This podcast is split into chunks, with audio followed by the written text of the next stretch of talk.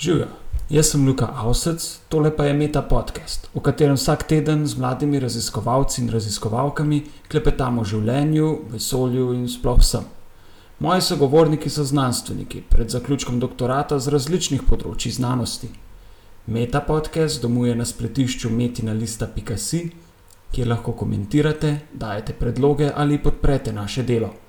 Sledite nam na Facebooku Metine liste ali na Twitterju hashtag MetaPodcast. Danes je z mano Katja Berčič, univerzitetna diplomirana matematičarka. Katja, živijo. Živijo, Luka.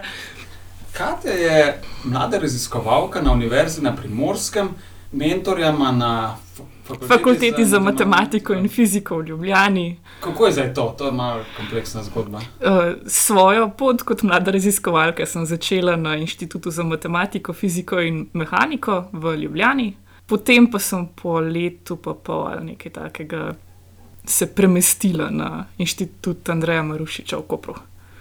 Tam si vodila tudi vaje. Ne? Umenila si mi prej, ko smo se pogovarjali, da ste imeli predmet matematika v angleščini. Kako je to izgledalo? To je bil predmet v drugem letniku, mislim, da ga imajo še vedno, v katerem so poglobili svoje znanje kakšnega predmeta iz prejšnjega letnika, poslušali so ga pa v angleščini in to dvaje so bile v angleščini, s čimer so načeloma pridobili tudi neko poznavanje terminologije v angliškem jeziku, kar se mi zdi kar dobra ideja. Fakulteta v Ljubljani tega nima, je to kompetenčna prednost. Ne vem, nisem na tekočem, ampak takrat, ko sem imela te vaje, tega še ni bilo v Ljubljani. Ja. To je pa res. Tvoja tema je nekoliko eh, kompleksna, tako da predlagam, da se jo kar lotva, da bo uspela v 20 minutah sploh kaj povedati. E, jaz sem kot biolog na fakulteti poslušal prav malo matematike. E, takrat smo bili načeloma zelo ponosni, če smo uspeli obrniti kakšno mini matriko ali pa rešiti enostavno diferencialno enačbo. Zato moram priznati, sem bil kar precej izgubljen, ko sem bral že samo tvoj začetek v uvod od uvoda v slovenskem jeziku. Sčasoma no, pa sem se nekoliko pomiril, zato ker sem v bistvu ugotovil, da pravzaprav poznam tvoje raziskovalno vprašanje in da se ukvarjaš eh, s, v bistvu s taksonomijo, da si samo sistematičarka in predalčkaš grafe. In to na podoben način, kot mi biologi sistematiziramo organizme. Amam prav. To si toliko dobro zadev, da mislim, da bom začela uporabljati to razlago tudi v prihodnjih takih priložnostih. Okay, uh, zdaj pa te podrobnosti. Hudič je zmeraj v podrobnostih in zdaj, če mi par teh podrobnosti razložiš, bom zelo vesel. Najprej, kaj je to graf? Aha, graf. Uh, zdaj, jaz Jaz si tako predstavljam, da smo imeli graf kvadratne funkcije ne, na maturi in za narisati, sem narisal en tak mal pokvečeno črko U, čez eno X pa Y nos, pa je bil to graf. Ali je kaj drugega na tem? Uh, graf, taki kot, jaz, kot jih jaz študiram, so verjetno ena od najbolj matemat enostavnih matematičnih struktur, s katerimi se človek lahko sreča. Uh, zdaj ne vem, če se jih slučajno že kje dela tudi na preduniverzitetnem nivoju. Ne zdi se mi izključeno, ker so zelo prijazni, človeku prijazni. Uh, v osnovi gre samo za to, da imamo neko množico vozlišč, točk in potem povezave med njimi. Točka lahko nima nobene povezave s, s katero drugo točko, lahko pa je zelo močno povezana.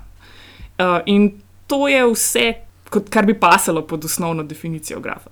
To je zdaj relativno abstraktno, za me še vedno. Nam lahko daš kakšen primer, eh, kako si lahko ta graf predstavljamo? Um, glede na to, da smo se prej na hitro pogovarjali tudi o, o zemljevidih, recimo en način, kako bi si lahko na praktičen način graf predstavljali, če si vzamemo za tisto množico vozlišč, recimo države, in potem narišemo povezavo med tistimi, ki so sosednje ali pa en drug z, najbolj znan zgodovinski primer, so pa Eulerjevi, tako zvani mostovi iz Königsberga. No, ta primer pa celo jaz poznam. Ja, iz zato srednje šole sem zelo ponosen na svojega učitelja, ki nam je to predstavil.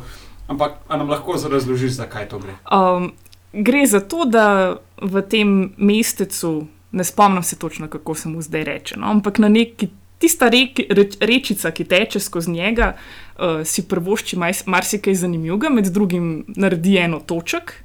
Uh, in potem v tistem mestu so, je, je bil otok, pa obe polovici mesta, uh, povezani, mislim, da s sedmimi ali nekaj takega mostovi. In je bilo popularno popoldansko razvedrilo za meščane to, da so poskusili prehoditi vse mostove tako, da ne bi šli čez nobenega dvakrat. Uh, Jim je to uspelo? ne, zaradi tega, ker se ne da. Aha. Uh, Euler je bil najbrž tisti, ki mu je uspel to formalno dokazati. ja, recimo tako. Ja. Um, Kako je to dokazal, je zelo velik pešhod? ali- Uh, ne, da se s svinčnikom in papirjem, ali pa tudi kar brez tega, samo v glavi razmisliti. Kako bi ocenila svoje raziskovalno delo? A gre za bazično raziskovanje ali gre za aplikativno raziskovanje? To je tehtno vprašanje, če ga postaviš matematiko, ker zelo težko reče karkoli drugega kot bazično raziskovanje.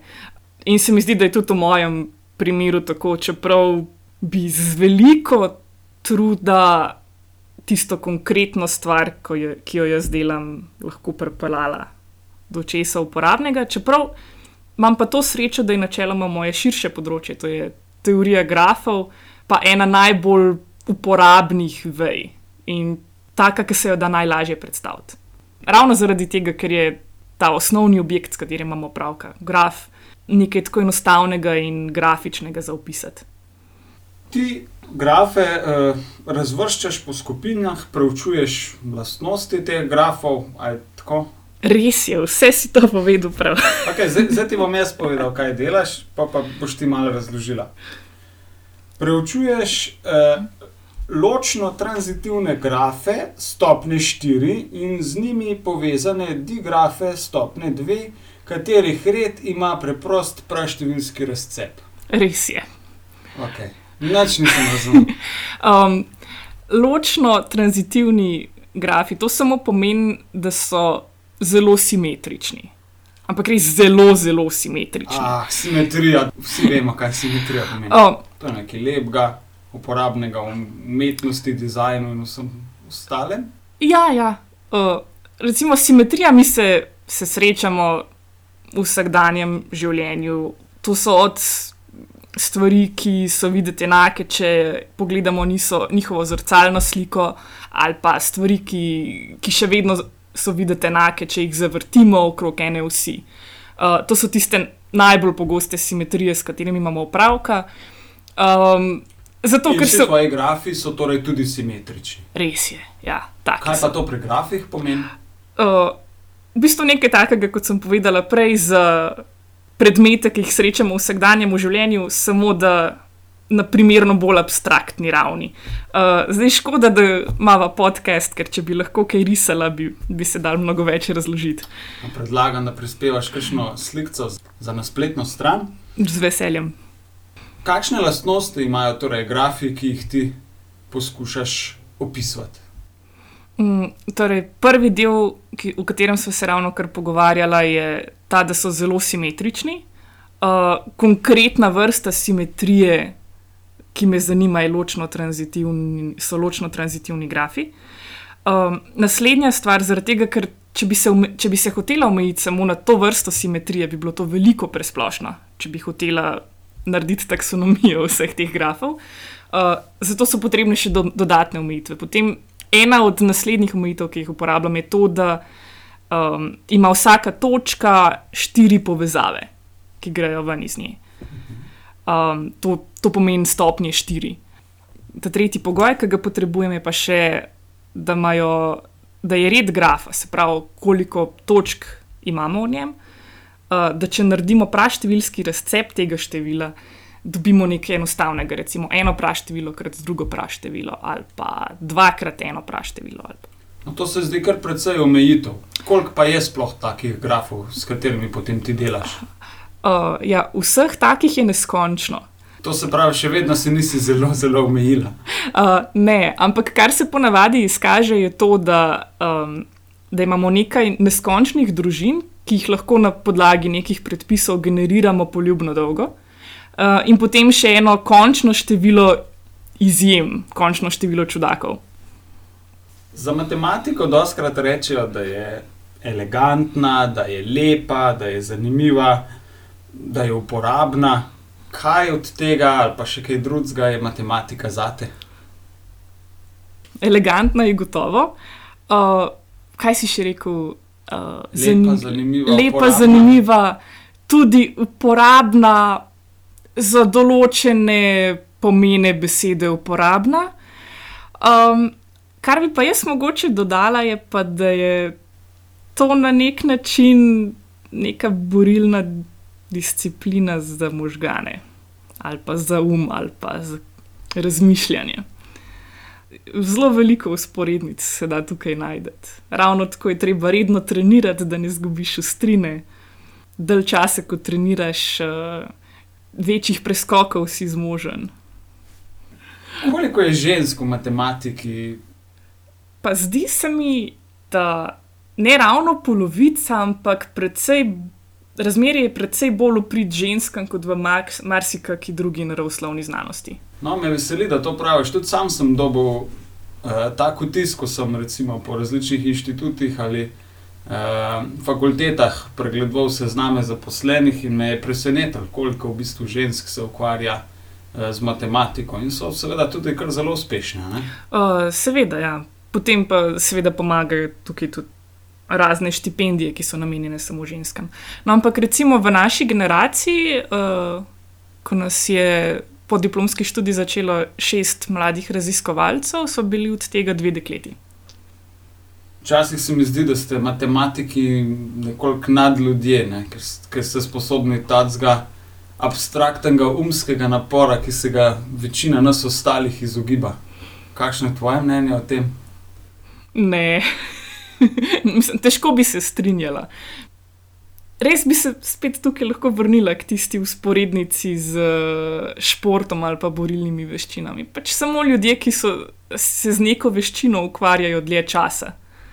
Talent pomaga, ampak ni to vse.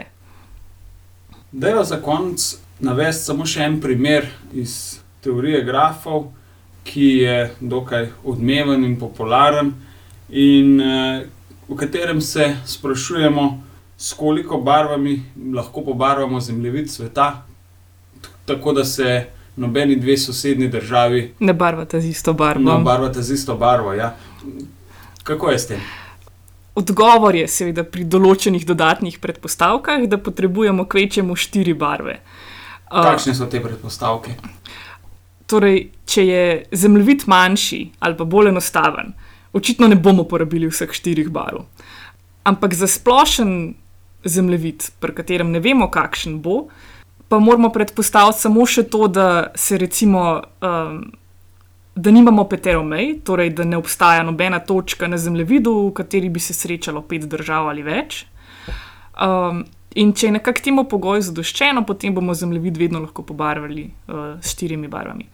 Je bil pa ta uh, izrek o štirih barvah zelo odmeven pred časom, ravno zaradi tega, ker je to prvi, ki so ga nekako dokazali z računalnikom in ki ga je še vedno nepraktično, da bi ga človek na roke dokazal. V, v kakšnem smislu nepraktično? Se pravi, rabimo Preverjati. pomoč računalnika, da preveri vse možnosti, Ja. v splošnem ne Uh, grejo. kako? Uh, torej, teoretično so zreducirali vse možnosti na obvladljivo število možnosti, ki pa jih je še vedno preveč, da bi jih preverili na roke. In to je naredil računalnik. In to je naredil računalnik. Koliko je možnosti, da se moti? No, ravno zaradi tega dvoma v to, kaj je naredil računalnik. Torej, ker nimamo lepega, elegantnega, zanimivega dokaza. Tudi če bi bil ta elegantni dokaz v petih debelih knjigah. Ne, mislim, da, da se potem matematikom ne bi zdel dovolj eleganten. Pa To, to je ravno to, da, da je stvar dokazana bila z računalnikom, je verjetno povsem zadosti, da, da obstaja nek dvom, Da je to torej nek dokaz za zdaj, dokler ne bo nekaj. dokler ne bo nekdo našel nekaj elegantnega. Ja. Hvala. Kaj pa sama, ko se ukvarjaš s svojim raziskovanjem, uporabljaš samo papir, svinčnik in radirko, ali se zanašaš tudi na računalniške metode? Uh, za tiste dokaze, ki jih je treba lepo dokazati, je načeloma papir in svinčnik zadosti. Pa še kakšna knjiga, pa kopica člankov. Uh, Veliko ustvarjalnega navdiha, pa kave. kave, sladkari, kave. Uh, drug del mojega raziskovanja je pa tudi nekako uh, to, da zgeneriram en cel katalog dovolj majhnih grafov in da tam nekako vse grafe, ki zadoščajo določenim pogojem. Um, to pa je stvar, ki jo je nepraktično narediti na roke, ampak lahko pride zelo prav, če nek tak katalog imamo. In potem lahko testiramo morda hipoteze, če, če veljajo za dovolj majhne grafe. Ne? Ker če najdemo proti primer, že Je Za majhne- hipoteza uvržena. ja, Katja, naj te na za konec vprašam še par splošnih vprašanj, ki jih vprašam vsakega sogovornika. Najprej nam povej, katere nam znane ali nam neznane osebe bi povabila k sebi na večerjo, če ne bi bilo nobenih umitev. Ni mi treba predolgo razmišljati, ampak nažalost moja želja ne bo nikoli uresničena. Uh, jaz bi še vedno povabila pisatelja Terja Prečeta na večerjo. Ja, Uh. gospod je pred, zelo pred kratkim žal umrl. Ja, Preden preden je tudi veliko razočaranje in obžalovanje. In pri čemer je bila moja novoletna obljuba, da mu bom napisala pismo z zahvalo za vse njegove knjige, um, pa ni šlo skozi. V redu, to je kar, kar pretragično. Mogoče kar vprašanje, če bi priporočila kakšno knjigo, bi bila to mogoče kakšna njegova. Uh, seveda, kar vse njegove po vrsti, če jih slučajno še kdo ni prebral. Teh Um, knjig je cirka 50, tako da tudi če se tam nekje, ne, zdaj, ne bo vam dolg čas. Veliko dela z njimi. Če bi podedovala 15 hektarov zemlje, kaj bi z njo? Uh, še dobro, da sem bila za to vprašanje posvarjena, um, ker je odgovor verjetno netrivijalen. Oziroma, o tem sploh nisem razmišljala, kaj bi počela z zemljo, ker sem uh, človek, ki ne mara preveč korenin. Živiš v bloku v Ljubljani. Živim v bloku v Ljubljani in mislim, da prva misel, ki bi jo imela, če bi pod, podedovala toliko zemlje, je, da bi jo prodala in izkoristila uh, izkupiček za potovanje po svetu. Um, verjetno bi potem stvar sicer uh, se razvila v to, da bi jo poskusila izkoristiti za to, da bi imela reden izkupiček, ne samo enkraten za potovanje po svetu, ampak v teh okvirih nekje. Okay. E, kje se vidiš čez 5 let, kaj boš počela čez 40 let? Uh, čez 40 let bom dovolj preskrbljena, da mi ne bo treba delati pri polnem času in bom lahko potovala po svetu. Uh, tisto prvo je pa težje, uh, ker vključuje konkretnejše plane, ampak uh, delala bom v smeri, da bom še vedno lahko se raziskovalno ukvarjala z matematiko ali s, s kakim sorodnim področjem. Se vidiš doma v tujini? Um, kamor me bo pot zanesla. Katja, si želiš več prostega časa, kot ga imaš zdaj, in kaj bi z njim? Ne nujno prostega časa, več časa na splošno bi bilo prijetno, ampak to, to, verjetno, to, to je verjetno ravno to, kar pomeni pro, več prostega časa. ne.